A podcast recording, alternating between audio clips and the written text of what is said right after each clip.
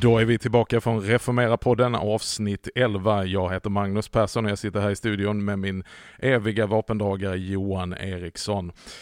Den senaste tiden så har vi hört nu i över en månad att kyrkan ställer inte in, kyrkan ställer om och idag tänkte vi prata hur går det? Blir det omställning eller blir det mest inställning? Och denna omställning, vad blir det för någon typ av föreställning? Ja, kyrkan har flyttat ut ifrån sina lokaler och in på webben. Eh, ett eh, nytt territorium där vi ska göra kyrka på ett nytt sätt. Detta ska vi fördjupa oss i idag.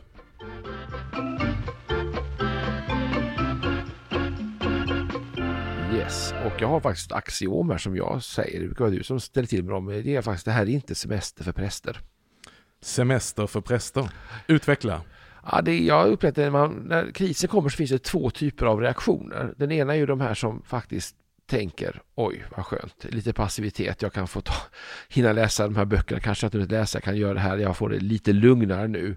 Och så de som tänker oj nu händer det här, nu måste vi växla upp, nu måste vi lägga in en extra växel för nu, nu händer det saker. Så två spaningar som vi skulle kunna fördjupa oss i det här programmet, det är de som har ställt in för mycket mm och de som kanske har ställt om för mycket. Mm. Tycker du att det är många som fortsätter och kör, hittar kreativa sätt att eh, faktiskt samlas i kyrkor eller är det oansvarigt? Bör man stänga helt? Mm. Det här är en komplicerad fråga. Man ser ju hela kartan.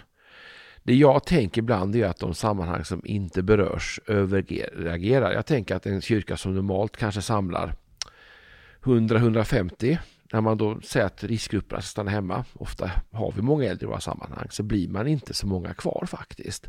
Så har vi de som har andra orsaker stannar hemma, kanske finns det lite förkylning i familjen eller symptom och annat. Man kan se på Löten här i Uppsala, de samlar många, kanske upp 350 en vanlig söndag eller fler. De är, har varit under 50 på gudstjänsterna. Tangerat upp här någon söndag men med påsk, annars ligger de kanske på 30 stycken för att det är de som vågar, vill och kan komma. Och jag har varit runt i andra sammanhang som har stora gudstjänster, Sankt Anska till exempel i Uppsala också, samlar många söndagar där det är mycket färre som kommer när man väljer att ha öppet. Så att det här problemet att avvisa folk i dörren tror jag är, har drabbat väldigt få egentligen. Det finns ju de som också istället för att bara köra en mässa eller en gudstjänst har lagt till och kört mm. två, tre gudstjänster för att kunna eh, hantera olika grupper som kan sitta åtskilt med social distansering och fira mässa. Eh, men att göra det istället för att alla samlas till en mässa så gör man det på flera olika tillfällen. Mm. Jag tänker också det är ett mycket bra, för att jag tror det finns ett enormt signalvärde i att faktiskt hålla öppet, att inte stänga kyrkan. Eh, sen får det ske med förnuft. Jag tänker också att när det sen kommer in smitta, vi har ett exempel här för någon vecka sedan i en av våra församlingar, som, som fick in eh, smittan i personalen. Och klart, då måste man kanske stänga ner. Mm. Då, då blir det en situation där det är väldigt ansvarslöst att hålla öppet och man, det blir nedstängning. Och man får lösa, man kan också ha lekmannaledda gudstjänster. Vi har fina manualer för det. Vi har en lång tradition. Så jag tänker att kreativiteten lämnar många öppningar här. Eh, och eh, jag tänker att det finns två diken igen. Jag ser dem som då toksatsar på de här webbsända gudstjänsterna. Man liksom går all in och nästan gör eh, produktioner alla Melodifestivalen. Men om vi ska gå in på det lite grann Johan, för då, då, då är det frågan, nu har vi ju då eh, eh, eh, en, viss tid då vi kan liksom titta tillbaka och för, för, förmodligen så, så, så dröjer det lite innan eh, allt är tillbaka till det normala. Så att det här är det, på något sätt, jag vill inte kalla det the new normal, för det kommer alltid vara onormalt att bedriva verksamhet där. Men hur har då kyrkan lyckats lyckats enligt oss att inte ställa in utan att ställa om. Och hur funkar kyrkan på webben? Funkar allt? Kan man bara göra som vanligt och sända det på webben? Jag tänker att det, det som intressanta, min spaning är att predikan kommer i fokus. Alltså när du tar in någonting från hemmet. Det är en sak om du väljer att vara hemma för att barnen är förkylda en vanlig söndag och väljer sin webbgudstjänst istället för vanliga. Men när du som söndag efter söndag ska ta del av gudstjänsten hemifrån så märker jag att det är predikan det handlar om. Och du, du, jag tror att du faktiskt väljer god förkunnelse framför ljudkvalitet, allt det annat och kan ha betydelse i ett vanligt möte. Själv ska jag göra en bekännelse. Jag eh, ser alltid möten i efterhand så jag kan fast forward förbi all lovsång och annat och landa rakt in i predikan och se klart den. För jag ärligt jag tycker inte att det, det, är lite svårt att vara med i, i musikbiten på, på, på distans. Det räcker med någon sång bara. Men att ta ett långt möte med, med mycket, mycket inslag hemma i soffan, det är, det är inte samma sak. Mm, nej, det, det, det, är svårt. Det, det, är många som säger det att det, det gör någonting och det, det kanske kan påminna oss lite grann om att form är formativt. Va? Att det är inte riktigt samma sak att fira gudstjänst när du sitter med frukosten framför dig och sitter kanske i tv-soffan och tittar slå titta lite grann på din tv-skärm. Att det, det, det är någonting vi kan ta med oss in i de kommande normala tiderna också. Att eh, det rent materiella och fysiska det påverkar dig. Men sen är det många som säger, precis som du, att det är svårt att hänga med i det här som sker runt omkring. Som predikant så tycker jag ju också att det är svårt att, eh, du får nästan hitta lite annan tonalitet när du talar på webben kontra när du har faktiskt eh, människor i samma rum. Mm. Och där lyckas vi olika, men jag tänker också att det leder fram till intressanta tankar. Den fysiska gudstjänsten kontra den sända gudstjänsten. Och jag tänkte att det har SVT insett för länge sedan om man ser hur de producerar sina söndagsgudstjänster. Så finns det en stor skillnad och där tänker jag att vi kan göra en del mycket intressanta lärdomar. Mm. Det som är positivt och som man ser många berätta om, det är ju, och, och som jag själv har, har suttit och sett när jag liksom titta lite grann på vem det är som loggar in, att det är eh, snabbt man kan bli upptagen av de här siffrorna. Att oj, vad många som tittar på vår gudstjänst. I vanliga fall kanske vi har 150 på en gudstjänst, säger någon. Och nu hade vi tusen stycken tittare. Då vet vi att det kan vara människor som varit inne fem sekunder, eller det kan vara människor som har tittat på hela gudstjänsten. Men absolut så finns det ju en tillgänglighet här som skapas. Mm. Ja, här får formatet betydelse. Jag, jag tänker att när vi sätter oss och vänder oss ut till en bredare publik så, så, så händer någonting med, med, budskapet och där måste man som predikant tänka till. Som du säger, jag har ett annan publik framför mig. Jag har tagit bort väggarna i kyrkan. Alla vägfarare är välkomna in och lyssna. Om det så bara är fem sekunder. Och det ligger kvar, det kan repeteras, det kan gå viral, alltså bli viralt. Vänner kan säga oj vilken bra predikan det var i söndags, du måste. Så kan man dela länken. Och plötsligt kanske en, en predikan kan ha flera tusen visningar och, och få en helt annat liv. Och det måste man ha med i bakhuvudet när man gör den här typen av sändningar. Man har helt enkelt flyttat ut från kyrkan. Vi ska fortsätta och vända och vrida på detta och ta lite eh, referenser och lite tips eh, om omkring det här. Har kyrkan lyckats att ställa om eller har det mest blivit att ställa in?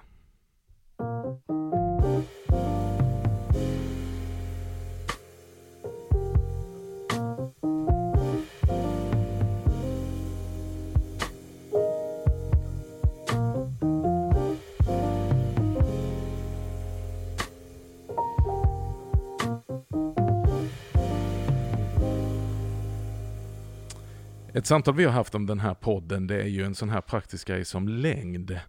Att vi inser att vi skulle säkert kunna sitta här och tjata hur länge som helst, men att hitta det här formatet som är också, vi har valt att lägga oss på ungefär 25 minuter, det är någonting jag har tänkt. Att sända en gudstjänst precis som den är med alla inslag just nu under de här förhållandena. Det, det kan enligt min egen högst personliga åsikt bli lite för långt. Att kanske i omställningens tider att man måste våga lite så här kill your darlings. Och, och säga att vad är det vi kan via webbplattformen eh, förmedla och kommunicera på ett bra sätt. Och våga välja bort de här andra bitarna för att också skapa skillnaden att kyrka på webben är inte som kyrka i verkligheten. Jag har lite problem överhuvudtaget med uttrycket eh, välkommen till kyrkan, det här är kyrkan på webben, utan det, det är en annan form. Som man kanske ska vara ärlig med. Ja, jag tycker det är en stor skillnad. Jag tänker också det är en stor skillnad när man ser på gudstjänsterna. Är det en livesänd gudstjänst med delvis publik? Det är många som gör det. Man alltså har ett möte med publik. Eller gör man en ren webbproduktion? Och är man i det senare och tycker att väldigt mycket kan utgå, att den ideala produktionen i mina ögon är 45 minuter lång ungefär. Kanske innehåller något musikinslag, en inledningssång, ett välkommen, en bra predikan, en avslutningssång och kanske välsignelsen. Precis. Jag, jag har tänkt också om det här, vi har ju haft en, en som jag älskar, är viktigt att understryka, en, en, en lovsångsrevival. Alltså där vi tillsammans tillber Gud och, och enkla lovsånger, de behöver inte vara så enkla alltid. Men det har ju funnits, som det alltid finns i de här worship wars, där folk har efterfrågat den betjänande sången, alltså den förkunnande sången.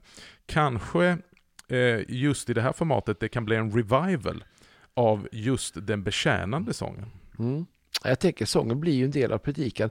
När man sitter och tar, jag tänker den här klassiska, kanske då karismatiska eh, lovsången där du sjunger vers efter vers gång på gång och man kommer in i kanske det man kallar för ett känsloläge, det funkar inte lika bra på webben. Då måste du släppa allting och liksom kliva in i sändningen mentalt. Men däremot den undervisande sången, den uppbyggande sången som förmedlar ett starkt budskap till dig får en revival och, och, kanske också egentligen salmen, klassiska salmen. Jag tänker att det här är, och för att ska du ha mycket då ren, du kan för lovsång i sändningen, då ska du nästan producera en livekonsert. Och det ställer helt andra krav på produktion, kameravinklar, ljudkvalitet och sånt för att det ska bli eh, aptitligt på webben. Så att jag, jag tänker att eh, rent gatsmart ska man hålla sig lite grann. Hur mycket ska man som kyrka då, jag menar det är ju väldigt olika från kyrka till kyrka vad det finns för någon kompetens, mm. vad det finns för någon utrustning. Och samtidigt så blir det ju så uppenbart på webben när vi har blivit bortskämda med att vi sitter och tittar på alla möjliga andra produktioner som är påkostade och vi, det blir känsligt för ljudet. Man hör direkt, det vet ju vi bara när vi producerar den här podden och nu i, i ett annat rum liksom att, att direkt blir man väldigt känslig för att nej, men det här ljudet det blir lite jobbigt att lyssna på, bilden och så vidare. Mm. Hur ska man tänka? Jag tänker att det finns två diken egentligen. Och det finns inget rätt och fel här egentligen. Om man ser på det vi gör från EFS så gör vi de här dagliga andakterna klockan 10 som görs väldigt enkelt. Ibland bara med en webbkamera i datorn, ibland med en telefon. Eh, ljudkvaliteten blir därefter. Bilden kan vara både upp och ner ibland på snett sniskan men vi har väldigt mycket tittare på den. Vi ser att det är ibland över 10 000 personer som väldigt snabbt har sett den här andakten. För den fyller reellt behov. Och då är formatet ganska oväsentligt för det är en kortis. Det handlar om 5-10 minuter max. Och då är formatet och kvaliteten inte det viktiga, budskapet och det som man förmedlar är det viktiga. Och det är det ena och det självklara diket. Sen pratar vi om det här med eh, att begränsa format och hålla gudstjänsten kort, för när man möter en gudstjänst som kanske i normala fall är över timme lång, då, då, då kan det här att bara ha en iPhone eh, som hålls upp bli väldigt jobbigt att se en hel gudstjänst. Så funkar i en fem andakt blir plötsligt väldigt tungt för psyket att ta in när man ska se en timme. Men då har vi det andra diket och då kan du göra en produktion som liknar Melodifestivalen där allting är perfekt. Men då blir andra brister uppenbara. Mm. Det, det, du säger någonting där om innehållet och kanske det är så att, att, att när jag har en direkt adress och vill förmedla ett innehåll så kanske det kan bara hjälpa att det här liksom runt omkring är lite avskalat och, och det är att jag har ett ärende till dig och det är kort och det är koncist och det är konkret. Eh, och det här har en liksom väldigt tydlig, ett tydligt syfte. Det ser vi på våra morgonandakter som, som många, många, många, många följer. Ja, jag tänker att det, det, står i fokus. Jag tänker de som överproducerar, där blir det också ett problem för där kommer ju budskapet. Alltså om du gör paketeringen så enormt snygg och välpaketerad. Då måste det som finns där när du öppnar den här boxen också vara i linje med det. Och där kan det uppstå en annan typ av, där man faktiskt inte man missar lite grann mål. Man fokuserar på fel saker. Man lägger allt fokus på teknik och ljudkvalitet och kvaliteten på sången och ljussättningen och kameraåkningarna. Och, men återigen, jag tror att det är det talade ordet som är det viktiga här. Det som sägs. Och jag tänker att ska man ge ett råd till prekanter ute i landet så är det fokusera på budskapet och fokusera på att man har en ny publik på andra sidan kameran. Så det kräver ett annat typ av fokus än att stå inför en publik. Mm. Här finns ju olika skolor. Vissa säger att vi ska bete oss som att vi bara var eh, att vi hade kyrka som vanligt och att eh, tittaren ska få lov att tjuvtitta utan att bli tilltalad eller att man tittar i kameran. Och så finns det andra som säger nej, vi måste rikta vår blick till den som tittar och adressera dem tydligt. Det, behöver, det ena behöver inte vara fel och det andra rätt, men vad, vad tänker du? Oj, alltså jag har också vilka traditioner man tillhör. Men jag tänker att uh, det, alltså, vissa saker gör sig sämre på webben. Och tar vi till exempel liturgi och kanske själva mässan så kan den till viss del, jag vill inte säga att den är meningslös, mässan är alltid fin att se även om man inte kan delta. Och den förmedlar någonting bara i det visuella. Men det kanske inte är helt relevant när jag inte är i lokalen. Eh, jag tror att det talade ordet är relevant men det är väldigt skillnad att lyssna på någon lite grann i förbigående och att sitta och ha och titta någon i ögonen och möta någon som vänder sig till dig direkt. Så jag är av den skolan att man ska vända sig väldigt tydligt till tittaren och adressera personen på andra sidan kameran och tänka att man ska gå genom rutan.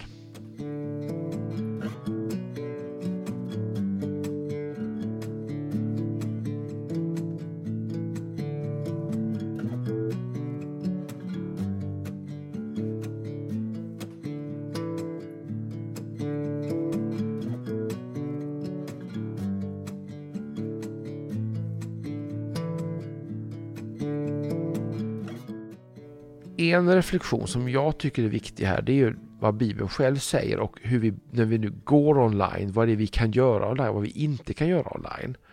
Och jag tänker vi har den här klassiska undervisningen om fyra benen, bönen, brödragemenskapen, Bibeln, alltså förkunnelsen och brödbrytelsen, nattvarden. Och jag tänker att det är två saker här som passar väldigt bra egentligen för webben och det är inte minst förkunnelsen, Bibeln, men också bönen. Men brödragemenskapen och brödsbrytelsen är svårare att uppleva på webben och kanske rent av omöjlig. Jag skulle säga att alltså, det är brödsbrytelsen och nattvarden en sak som faktiskt kräver vår gemenskap tillsammans i samma rum med elementen för att vara genomförbar. Och bönen, här, här handlar det också om det personliga ansvaret, att, att mitt personliga ansvar för mitt andliga liv som kristen, att det kan bli en säsong här över den här sommaren, till exempel i tidebönerna så kan du be tillsammans med hela kyrkan genom alla tider. Det är ett enkelt sätt, men som också kräver lite grann en, en, en, att du kommer in i en rytm för ditt eget liv. Och du vet att när jag ber de här bönerna så ber jag med alla de som har bett förut, med alla de som ber runt omkring i hela världen. Det finns också sådana böner som sänds på, eh, på webben naturligtvis. Läsande talade vi om förra gången, att det, det, kan få bli en säsong av läsande där jag faktiskt framför allt, kanske framför alla andra böcker, borde pusha läsandet av Bibeln. Det här systematiska att gå igenom att inte bara rycka en tumvers, även om det är bättre än ingenting, men att faktiskt säga att, ja men okej, den här sommaren så ska jag Eh, ta ett av evangelierna eller jag kanske ska jobba med rummarbrevet och, och läsa det, reflektera, meditera, kanske memorera olika saker. Eh, men också det personliga bönelivet någonstans, att man inte bara blir matad hela tiden utan också att jag själv tar ett initiativ.